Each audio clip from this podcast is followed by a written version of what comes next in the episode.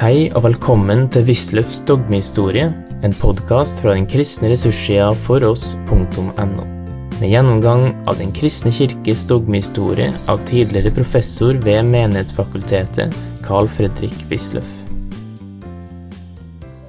Det som jeg hadde fremme her i forrige time, var eh, de teologiske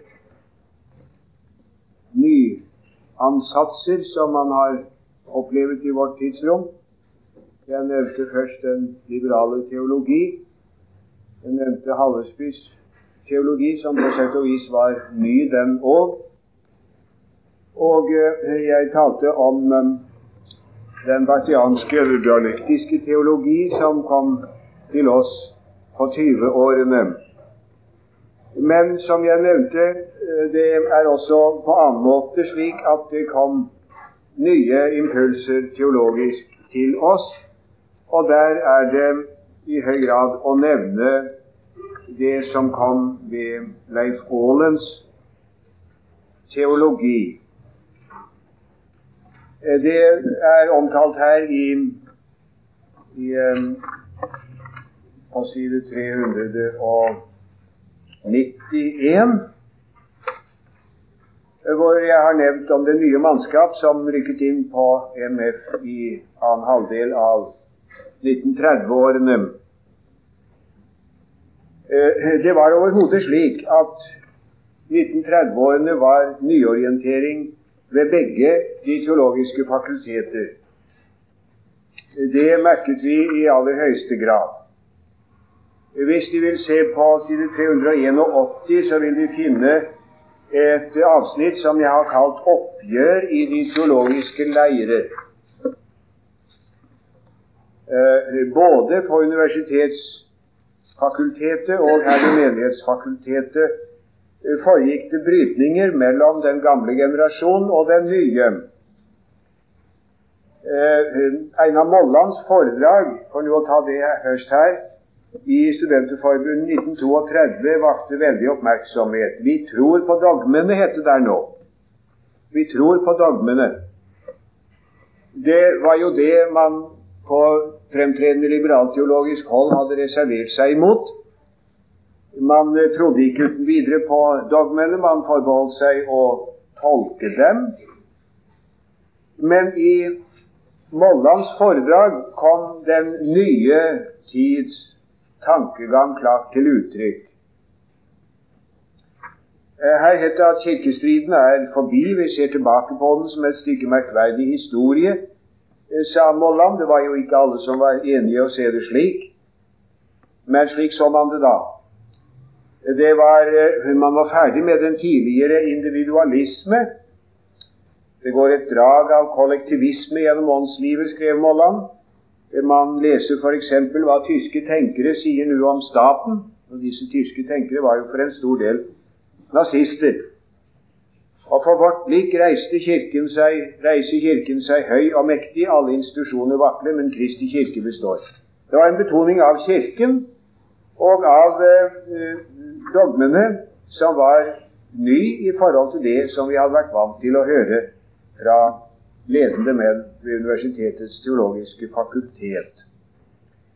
Det er mye som tyder på at uh, Lyder Brun, som jeg skal tale om siden, en ledende mann på teologiske fakultet, var lite begeistret for denne utvikling.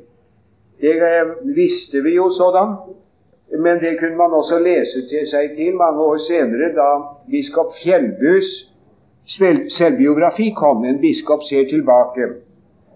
For Der forteller han om det at uh, Lyde Brun var ytterst misfornøyd med dette. Han, han, så det tydelig og klart allerede uh, før, før, midten av uh, eh, 20-årene hva vei dette bar, og så med stigende grad utover. Og Han foreleste for Amman om Menighetsfakultetet og hvor elendig det alt sammen var. Og omkvedet til Lyde Brun var, sier Fjellbu, det er meget bekymringsfullt. Det er meget bekymringsfullt. Den nye eh, tendensen der fikk sitt praktiske utslag også i Ordo Krukis, som kom eh, på denne tiden. Man uttalte det gjerne der riktig humanistisk latin og sa ordo crucis for øvrig, var nesten et kjennetegn på at man var intramural, som medisinerne sier. At man visste det hette ordo crucis i virkeligheten. Etter den eldre humanistiske uttale av latin. Det var eh, medlemmer fra begge fakulteter. Man øh, ville øh, ha fred i Kirken. Offentlig ordskifte skulle unngås. Og man ville avgrense seg imot venstre, sjalte ut likesom de ekstreme liberale teologer, men derimot knytte forbindelse med de moderate på høyrefløyen. Sånn at der var et visst oppgjør av merke på Universitetets teologiske fakultet. Men eh, enda større bølger gikk det i grunnen over eh, det som skjedde på Menighetsfakultetet. For der reiste det seg en langvarig debatt mellom Hallesby-disipler om den dialektiske teologi. Noen ventet seg veldig meget av den dialektiske teologi. Det var Reidar Hauge og Jostveit, Sverre Nordborg på det tidspunkt ennå. Eh, men eh, på den annen side ble den angrepet av Kvistad, og især av Olav Valen Senstad, som også skrev en bok eh, om det, Karl Barths panteistiske teologi og Den norske kirke. Han kritiserte i høy grad Barths teologi. Han mente at det var en rent fonetisk ortodoksi i virkeligheten. Han satte fingeren på det svake punkt i den intellektualisme som der er, og påpekte hvorledes evangelisk kristendom ikke kan finnes uten det moment av trosopplevelse som nettopp den dialektiske teologi var avskallet. Han anstillet dessuten en filosofisk fundert undersøkelse av Barths begrifflichkeit, det var det visst ikke mange på det tidspunkt som klarte å følge, er jeg redd, og mente på grunnlag av denne å kunne påvise at Karl Barth i virkeligheten var, var panteist. Jeg har nevnt litt mer inngående om dette i forbindelse med mine romhistoriske forelesninger der på slutten, og går ikke nærmere inn på dette. Den debatten mellom Valen Senstad og de andre var ganske hard. Han sto vel kanskje nokså alene i virkeligheten. Man merket seg også med undring i grunnen hvordan Hallesby på en måte ble manøvrert bort. Ja, det ligger ikke noe odiøst i uttrykket, men som frukt av utviklingen så kom han så tydelig bort ifra den sentrale posisjonen som han hadde hatt hele tiden. Alt dreide seg jo i grunnen om hva Halsby sa. De gjorde ikke det lenger her. Man diskuterte en teologi som ikke var hans, men som heller ikke var identisk med den som han hadde angrepet. Og hvor Halsby stilte seg, var ikke så veldig klart og tydelig, og ikke så veldig interessant heller, syntes man i grunnen. Det nye kom fremfor alt ved Menighetsfakultetet på en måte som var i grunnen overraskende. Man hadde ikke ventet det. For det var enda en tydelig nyanse som ble markert da Leif og Sverre Aalen eh, begynte å delta i debatten. Eh, Leif Aalen var ja, det var begge disse brødrene, men især Leif Aalen sterkt engasjert, aktiv på mange hold, og deltok også i offentlige debatter. Eh, det var gjorde både han og jeg den gangen da Arnulf Øverland hadde sitt foredrag om kristendommen, den tiende landeplage, for eksempel. Og eh, også i mange andre sammenhenger. Han diskuterte både med Christian Schjelderup og med Eivind Berggrav. Uh, han fant sin teologiske posisjon i møte med professor Herman Sasse. Uh, alt dette vil de jo støt, kunne stifte inngående kjennskap til eh, når til forelesningene kommer i, i Når de kommer til forelesningen i systematikk. Her på side 391 må jeg få lov til å be dem rette en trykkfeil som har ergret nesten livet av meg. Og jeg gjemmer et siste korrekturavtrykk til bevis, om så er at det der er laget etter at jeg siste gang leverte det ifra meg. Det er forskrekkelig hva man skal kunne oppleve, men et eller annet sted har en setter, eller hva det nå kan vært, rettet Sasse 1937 utga han på norsk oversettelse. Sasse sto det klart og tydelig. Jeg kan vise det for dem hvis de vil. Og der kom det inn en apostrof som tok alt mitt gode humør for lengre tid da jeg fikk se den. Den skal altså naturligvis ikke være der. Har de sett noe så idiotisk? Men gled dem til de skal til med med dette med trykkfeil, altså. Det er nesten som man kunne tro det var realiteter i det som man pleier å si om trykkfeilsdjevelen. Molland brukte det uttrykket i sitt berømte foredrag i 1932. Det skal være 32 og ikke 22. Det er meget uh, uforsiktige årstall som altså opptrer i nærheten av professor Heina Molland, det er jeg også bedrevet over, Uh, i 1932 at uh, vi er inne i en reaksjonær bevegelse. Og det kunne man i grunnen si om de toneangivende unge MF-teologene i 1930-årene også.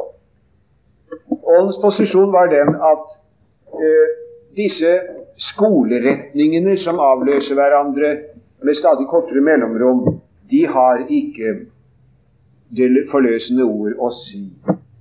Ikke den dialektiske teologi, som han riktignok i noen grad innrømmet hadde en viss berettigelse. Han, hadde, han mente det. Han diskuterte med Valen Senstad og imøtegikk hans parttolkning. Eh, og heller ikke den liberale teologi, som var humanitetsreligion i virkeligheten. Heller ikke Halsbys opplevelsesteologi, som han etter hvert distanserte seg ganske skarpt ifra. Overhodet ingen skoleretninger, mente Aalen og mener Aalen, er det som vi venter på som det forløsende ord. Det er Den lutherske kirkes bekjennelse. Den bekjennelse som der er festet på papiret som Kirkens sanne, rette bekjennelse, og som er inkorrigibel. Det kan ikke forandres, for er og forblir for alle tider den rette forståelse av Guds ord. Jeg siterer der spørsmålet om hva kristendom er, er avgjort en gang for alle i og med Kirkens bekjennelse. Teologien har derfor ikke annet å gjøre enn stadig på nytt å etterprøve resultatene. Når da resultatene ikke på noen måte kan forandres, så var det jo noen som syntes at det å etterprøve kanskje var et litt vanskelig anvendbart ord. Men eh, alt dette var, eh, var, var, var, ganske nytt på den tiden og føltes eh, på mange hold, ikke uten videre alle, men på mange hold som eh, en, eh, det man kanskje ubevisst hadde ventet på. Og på denne tiden så foregår det altså en distansering i forhold til den eldre generasjons standpunkter både på universitetet og på menighetsfakultetet, kan man si. Jeg har uttrykt det sånn her at mange av de unge universitetsteologer syntes at deres fedre hadde vært nær ved å gjøre Kirken til en pandant til kulturen. Og mange av de unge MF-teologer syntes på sin side at deres fedre hadde gjort den til en pietistisk konventikkel. Og den pietistiske vekkelseskristendom reagerte man nå imot på nesten alle hold. Og det var ikke minst tydelig å merke på Menighetsfakultetet, hvor det var eh, svært så vanlig å høre og oppleve at de unge studerende fjernte seg bevisst fra sin hjemlige bedehusbakgrunn, de som hadde sådan bakgrunn. Hallesbys innflytelse eh, minket meget sterkt på denne tid, og det fortsatte jo da under og etter krigen i aller høyeste grad. Eh, Johannes Memo, som var praktikumsrektor i en tid, han eh, gikk i grunnen i samme retning, uten dog å, å, å understreke det konfesjonelle moment fullt så sterkt som Aalen gjorde. Eh, det var en bevisst kirkelig teologi og en som i høyeste grad betonet forkynnelsen, prekenen, som det avgjørende. Ikke det skrevne ord, ikke den private sjelesorg, overhodet ingenting annet enn det forkynte ord. Det er det som har all vekt. Man merket også der en ganske sterk, om en forsiktig uttrykt, reaksjon imot pietismen. En mann blant de unge markerte seg i seg, ja, det var naturligvis flere, men det var en som maktet og som hadde evne og vilje til å markere seg sterkt, og det var Valens Henstad. Gikk i en helt annen, annen retning. Eh, han var i slutten av 30-årene sogneprest i i, i Ryfylke, i Gjelsa, kom senere til Johannes menighet i Stavanger. Han hadde evnen til å fortsette sine studier, disputerte jo for den filosofiske doktorgrad her etter krigen. Han uh, var uh, meget fruktbar forfatter av oppbyggelsesbøker, og også meget gjerne hørt eh, som, som predikant og med sterk tilknytning til det vestlandske legfolk.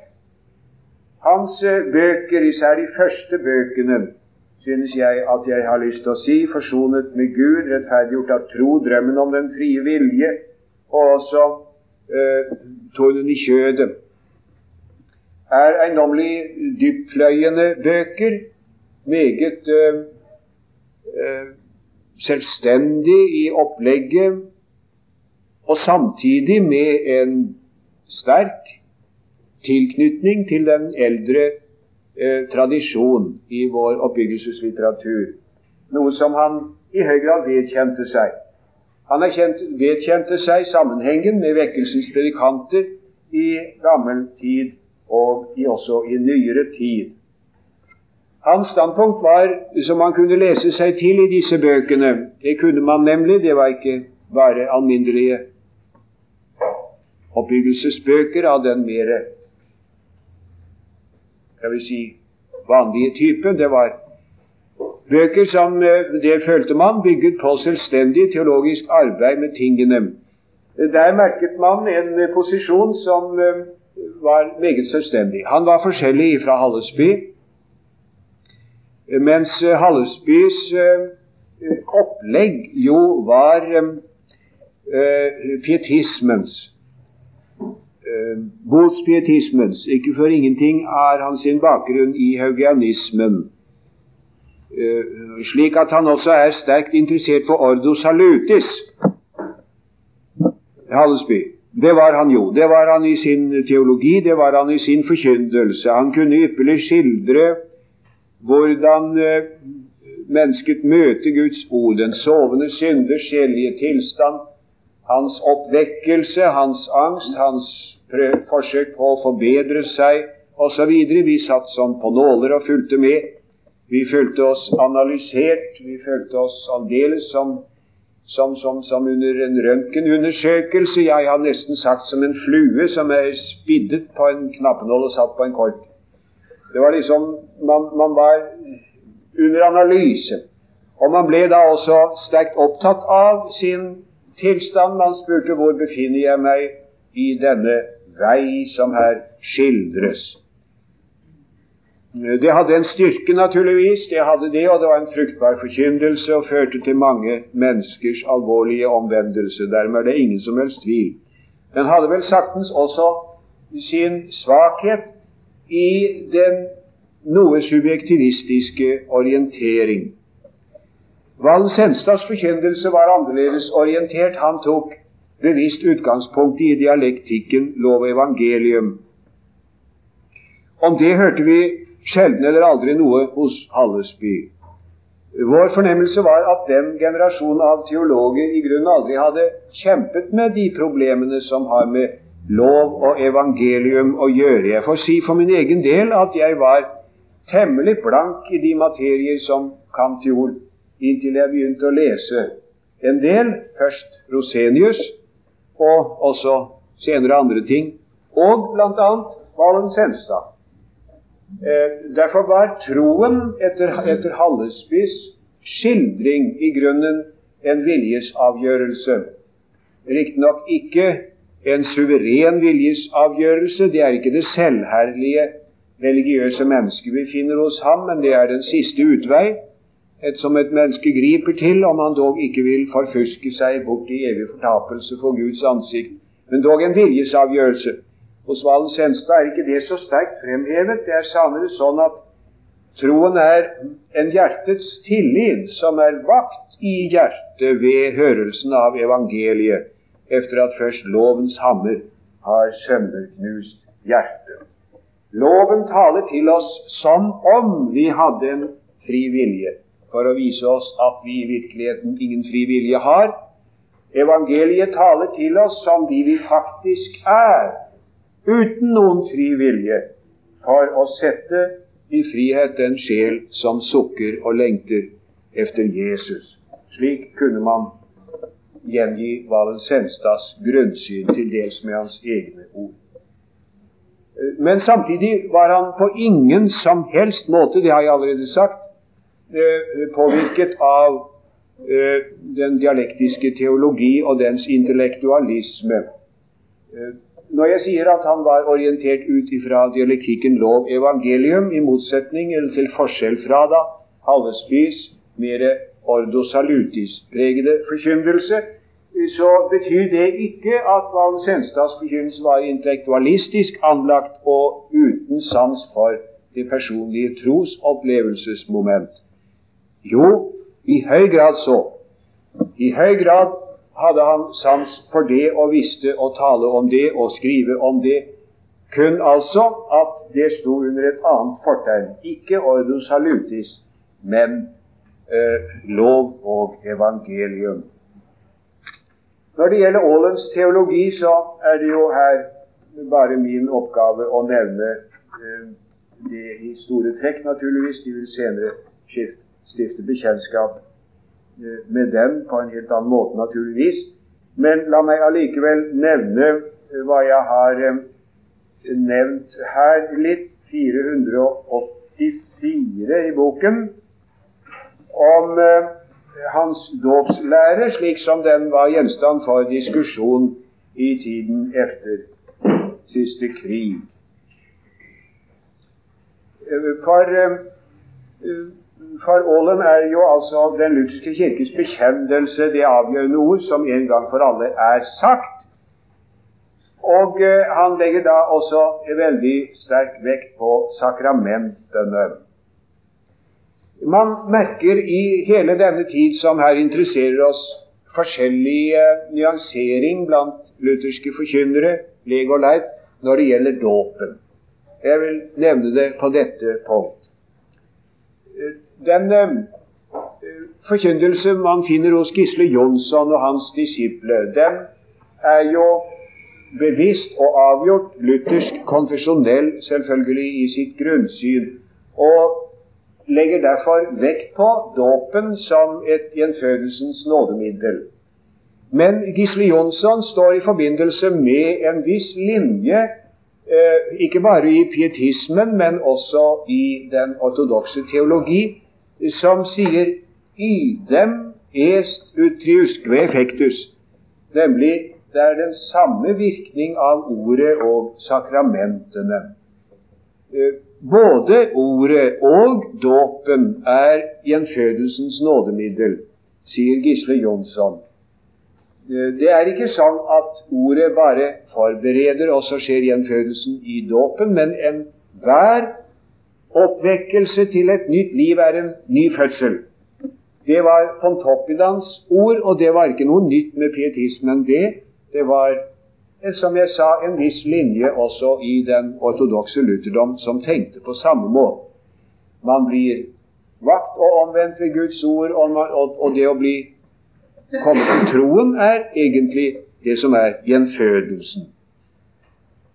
Eh, det Eh, Valens Henstad eh, holder seg til denne uttrykksmåte og taler om at både ordet og dåpen er gjenfødelsens midler. Det gjør derimot ikke ålen, som meget sterkt knytter gjenfødelsen kun til dåpen, og da definerer gjenfødelsen mer som en adoptio, en innsettelse i en annen rettsstand i forhold til Gud.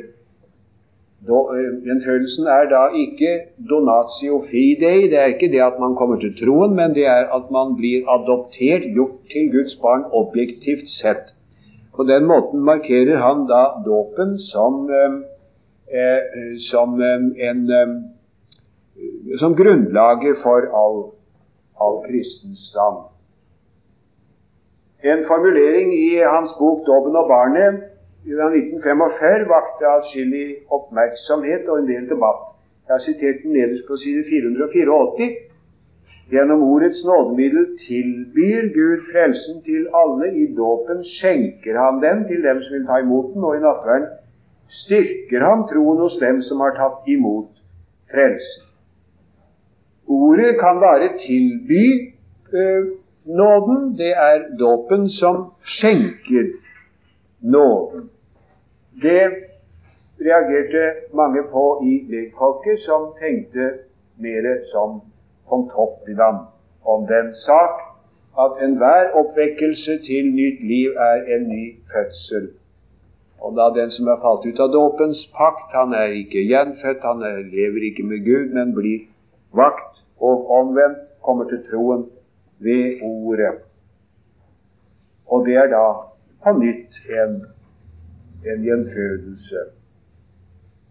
Valens Henstads dåpslære unngikk en viss utvikling. Han eh, kom etter hvert eh, For det var avgjort en utvikling som fant sted, eh, til en eh, teologi som eh, eh, hvis, hvis forhold til bekjennelsen ble anfektet. Han sa at en kan nok mene og tro at Gud kan gjenføde barnet i dåpen. Det var ikke noen tvil med den sak. Derimot reagerte han imot den erklæringen, dåpserklæringen som han kalte det, som eh, blir eh, lest i Kirken, den allmektige Gud, hvor er Jesu Kristi Far, som nå har gjort deg til sitt barn i den hellige dåp. Det hadde man, mente Valen Senstad, ikke grunnlag for å si. Eh, vi kunne ikke si det, at han har gjort deg til sitt barn. For Eh, man kan ikke med visshet si om Gud har utvalgt alle barn til å bli frelst. Og der kom inn et moment av predestinasjonstenkning som også tidligere hadde vært merkbart i enkelte av Valen Senstads skrifter. Om dette pågikk det en tid en viss debatt. Vel, vi har hatt det for oss her og nevnt de forskjellige perioder da det har vært noe nytt som brøt på i teologien. Og det skjedde da altså her i 30-årene især. Efter krigen så var det lenge i grunnen ikke noe nytt å merke. Det var rent besynderlig, det. Eh, det var, eh, det var ingenting eh, nytt i grunnen. Man tok opp det, det er vel formodentlig slik etter kriger at man tenker nå er det blitt normale tider igjen, som det heter, og så tar man opp så langt som det er mulig eh, trådene ifra sånn, sånn som det var før. Det er vel ikke bare de franske aristokratene som kom tilbake etter revolusjonstiden, som intet hadde lært og intet glemt, som det het. Det er vel ikke bare dem. Det er vel, er vel gjerne sånn. Og faktum er at det var meget lite av teologisk nyinnsats her etter krigen hos oss.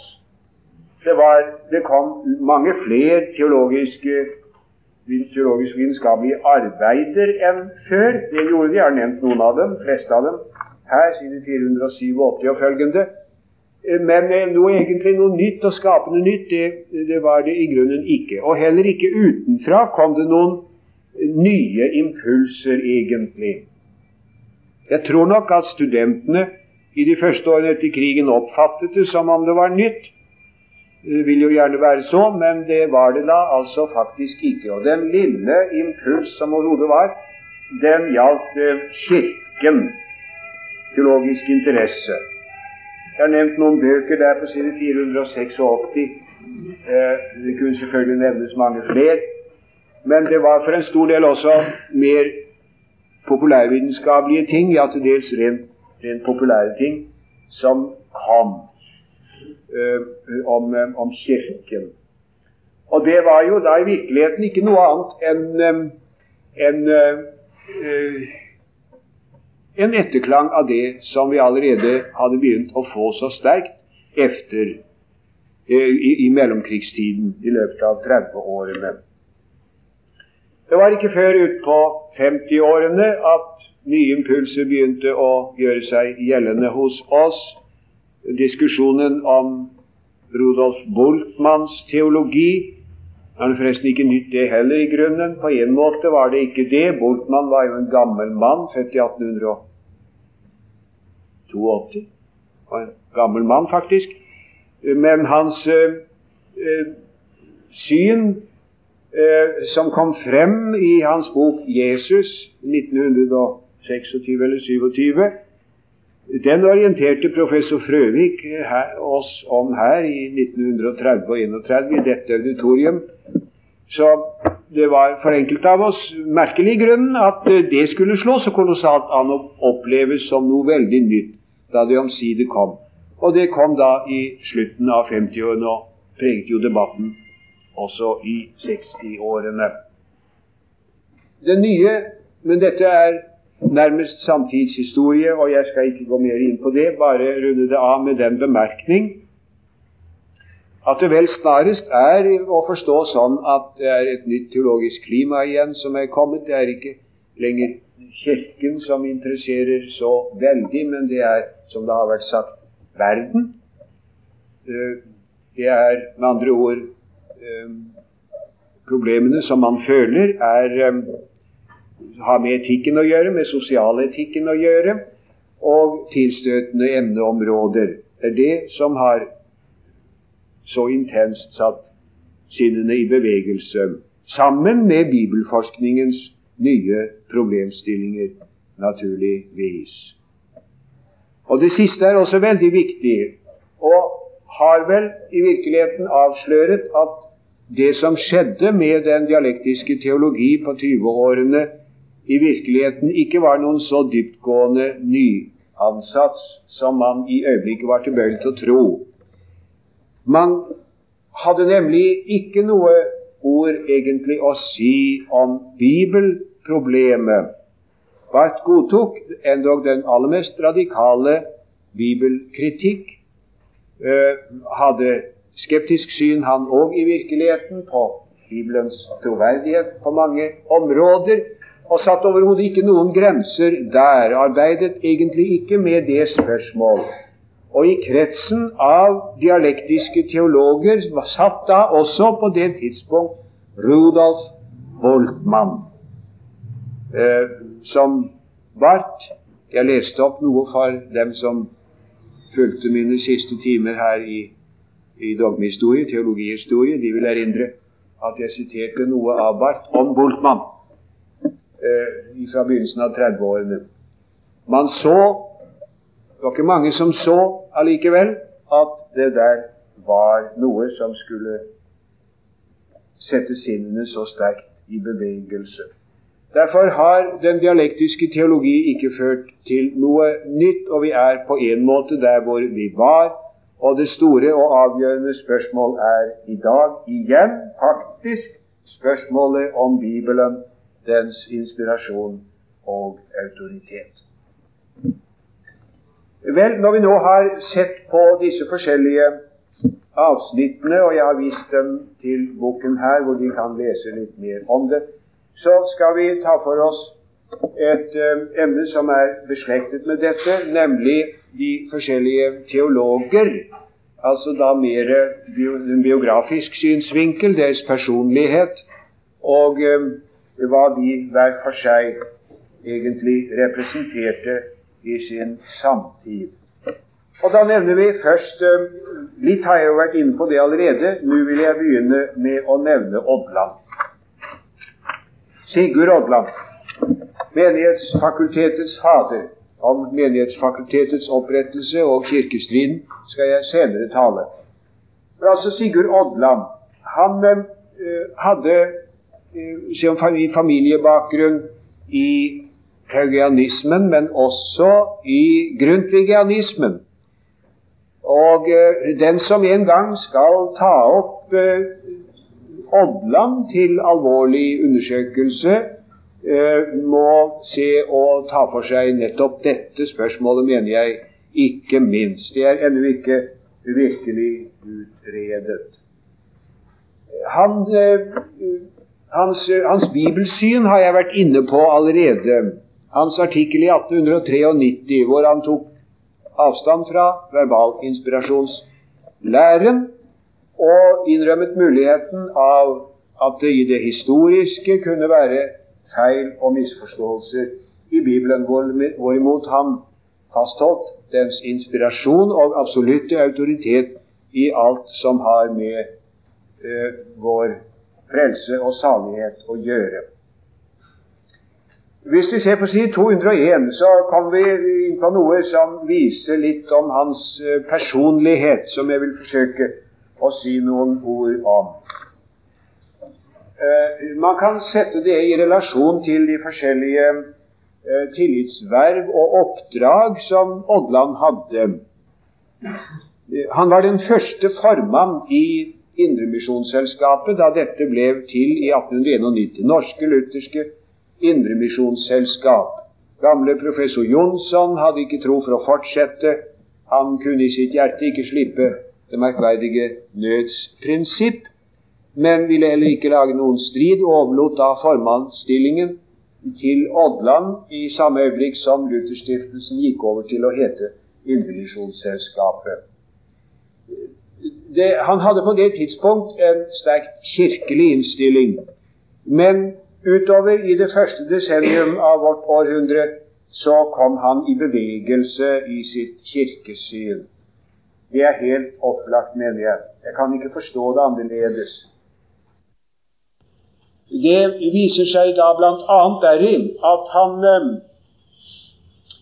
i 1910 var med på et fritt legmannsmøte, står på side 203, som eh, var ledet og dominert av Indremisjonsvenner som var misfornøyd med Indremisjonsselskapets kurs. Indremisjonsselskapet hadde jo nemlig i sine grunnregler en bestemmelse om at man skulle søke samarbeide med presten. Men nå ble det så mange liberale prester etter hvert man ikke kunne ha tillit til. Og så ville de ha bort den paragrafen der. Og det ville Odland også. Det ville derimot ennå ikke ledelsen i Indremisjonsselskapet, og det førte da til at Odland trådte tilbake som formann. Det var imidlertid enda en grunn til det, og det var dette med, med kvinnene. Det er en som har skrevet en artikkel i TTK om Odland og kvinnene. Den kan du finne frem og lese. Det er et merkverdig kapittel i grunnen. Interessant for den som vil lære Odlands personlighet å kjenne. Eh, han eh, brøt først med Det Norske Misjonsselskap. For Det Norske Misjonsselskap eh, kom i 1904 på en generalforsamling til det at man ville gi kvinner stemmerett ved generalforsamlingen. Men det var helt i strid med Det nye testamentet, mente Odland. Og noen år senere fikk han en svær debatt med Dale, Lars Dale, generalsekretær i NMS, om den saken. For uh, Dale var den som hadde foreslått endringen. Odland var veldig sterkt imot. Det gjør meg ondt, skrev Odland, hver gang jeg i dette spørsmålet hører tale om rettigheter som man synes kvinnene ifølge sakens natur har billig krav på. I Guds rike spør man ikke efter hva vi finner rimelig, men efter hva Guds ord sier. Og eh, altså da på generalforsamlingen i Indremisjonsselskapet i 1911 eh, så skjedde to ting. For det første falt det opplegget om en lovforandring som antydet her, og for det andre så ga man eh, kvinner stemmerett ved generalforsamlingen. Det gikk, både, det gikk nærmest som en overrumpling. Odland pleide senere å fortelle at de telte ikke opp stemmene engang, sa han. Eh, det Det la han ikke skjul på. Han fortalt mange steder. Handeland har tatt det med i sin bok om, om Odland. Om det er riktig, det vet jeg ikke. Eh, han eh, sluttet seg da nærmest til eh, Kinamisjonsforbundet, Misjonssambandet som det heter nå. Han bodde på, på Fjellhaug, hadde en leilighet, et hus som nå ikke lenger står der. Han var ungkar. Han eh, eh, Nokså nok utpreget, får en si, ungkar. Med det som man vanlig pleier å, å legge i det. Han var en, som personlighet veldig um, sarkastisk. Man påstår, jeg skal vokte meg for å si om det er med rette, at uh, bergenserne har noe sarkastisk, ironisk i sin form. Eh, denne bergenseren hadde det i hvert fall. Det er da sikkert. Anekdoten om Oddland og eh, statsminister Mikkelsen er jo i så måte ganske illustrerende. Hvis ikke den er riktig, så er den i hvert fall sann, den historien der. altså. Det gikk ut på det at han møtte Mikkelsen. De var eh, kamerater fra skolen, gymnaset på Karl Johan eh, i hine hårde dager i 1905. Og så sier Odland du Salva, er det for en Mikkelsen som er blitt statsminister? Er det kanskje en fetter av deg? sa han. Nei, det, det var, nå, han som var, uh, var blitt statsminister. Jaså, sa han. Jaså, jaså, virkelig? Nei, det trodde jeg da ikke, og så videre. Ja, veldig, veldig ironisk. Uh, I sitt kirkesyn utviklet han seg etter hvert til et helt frikirkelig standpunkt, og jeg har, den eneste gang jeg virkelig har hørt ham, det var da han sto på dette kateter og doserte for oss om det nytestamentlige menighetsbegrep. Foredrag som han har holdt mange ganger. Det var da konsekvent uh, frikirkelig uh, lagt opp. Og Her satt jo da våre lærere på rekke og rad, uh, og noen av dem tok til orde imot ham. og de ble da satt på plass som de småguttene som Oddland fremdeles syntes at de var. Eh, det var ikke alle av oss som syntes det var udelt sympatisk, det må jeg si. Men eh, moro er det jo. Det lar Han eh, forlot også Misjonssambandet omsider, og det hadde sammenheng med dette med kvinnene igjen. Han det gikk ikke bedre enn at det ble bekjentgjort et møte på Fjellhaug med en kvinne som taler. Og da mm, samlet han sitt pikk og pakk og forlot også, eh, forlot også Fjellhaug. Han gikk ikke inn i Frikirken, som man eh, hadde kanskje tenkt at han skulle gjøre. Eh, derimot så eh, testamenterte han alle sine bøker til til Frikirken. Eh, hvis de vil vite hvor mange bøker da Frikirken fikk, så skal jeg godt fortelle dem det. For eh, det sto også i testamentet nemlig at professor Kolsrud skulle ha anledning til å ta de bøkene som han hadde interesse av, før det ble sendt over til uh, Frikirken. Hvor mange bøker fikk da Frikirken? Spørsmålstegn. Svar kolon ingen. For uh, Kolsrud måtte nemlig ha dubletter i det tilfellet hvor han ikke hadde dem i sitt meget store bibliotek. Så måtte han ha dubletter på sitt kontor nede i byen her. Jeg har denne historien fra absolutt førstehåndskilde. En, en merkelig, merkelig, mann, ensom skikkelse, beveget seg på en måte baklengs gjennom, gjennom eh, historien, kan man nesten si. Han var altså en mann som begynte med store tillitsverv, men til slutt ikke hadde noen. Men berget i ethvert fall da, og det, den som kjente ham aldri så lite, visste det, den gode samvittighetsvisshet om å ha handlet efter sin overbevisning. Derfor var det ingen som, som eh, Vel, man kunne smile, men man lo ikke av Odland. Man hadde respekt for ham, og den respekten den den eh, skal da også sikkert komme til å følge ham gjennom, gjennom historien. Det går masser av anekdoter naturligvis om en sånn type, kan de tenke. F.eks. om eh, de som spurte ham om han ikke kunne være så snill å skrive et stykke for fattig og rik om, eh, om uh, sitt syn på, på, kvinnens plass i Ja, kvinnens plass. Og uh, jo da, sa Odland, det er merkelig at de spør seg om, for jeg har nettopp i dag sendt noe til for fattig og rik. Å, det var da det var da deilig. Og når så bladet kom, så åpnet de det interessert for å se om um, det skulle stå noe. Men det gjorde det ikke. Nei, nei, så står det vel da er det for tidlig å vente. Det formodentlig står vel i neste nummer da. Nei, men se her, sa en, se hva her står. Og pekte på en uh, annonse. Uh, troende kvinne i satt alder får plass som husholderske hos professor Odland.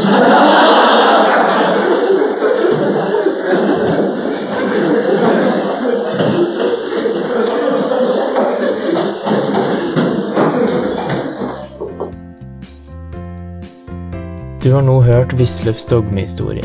Finn flere ressurser og vær gjerne med å støtte oss på foross.no. Følg også gjerne noen av våre andre podkaster, f.eks. Table Talks.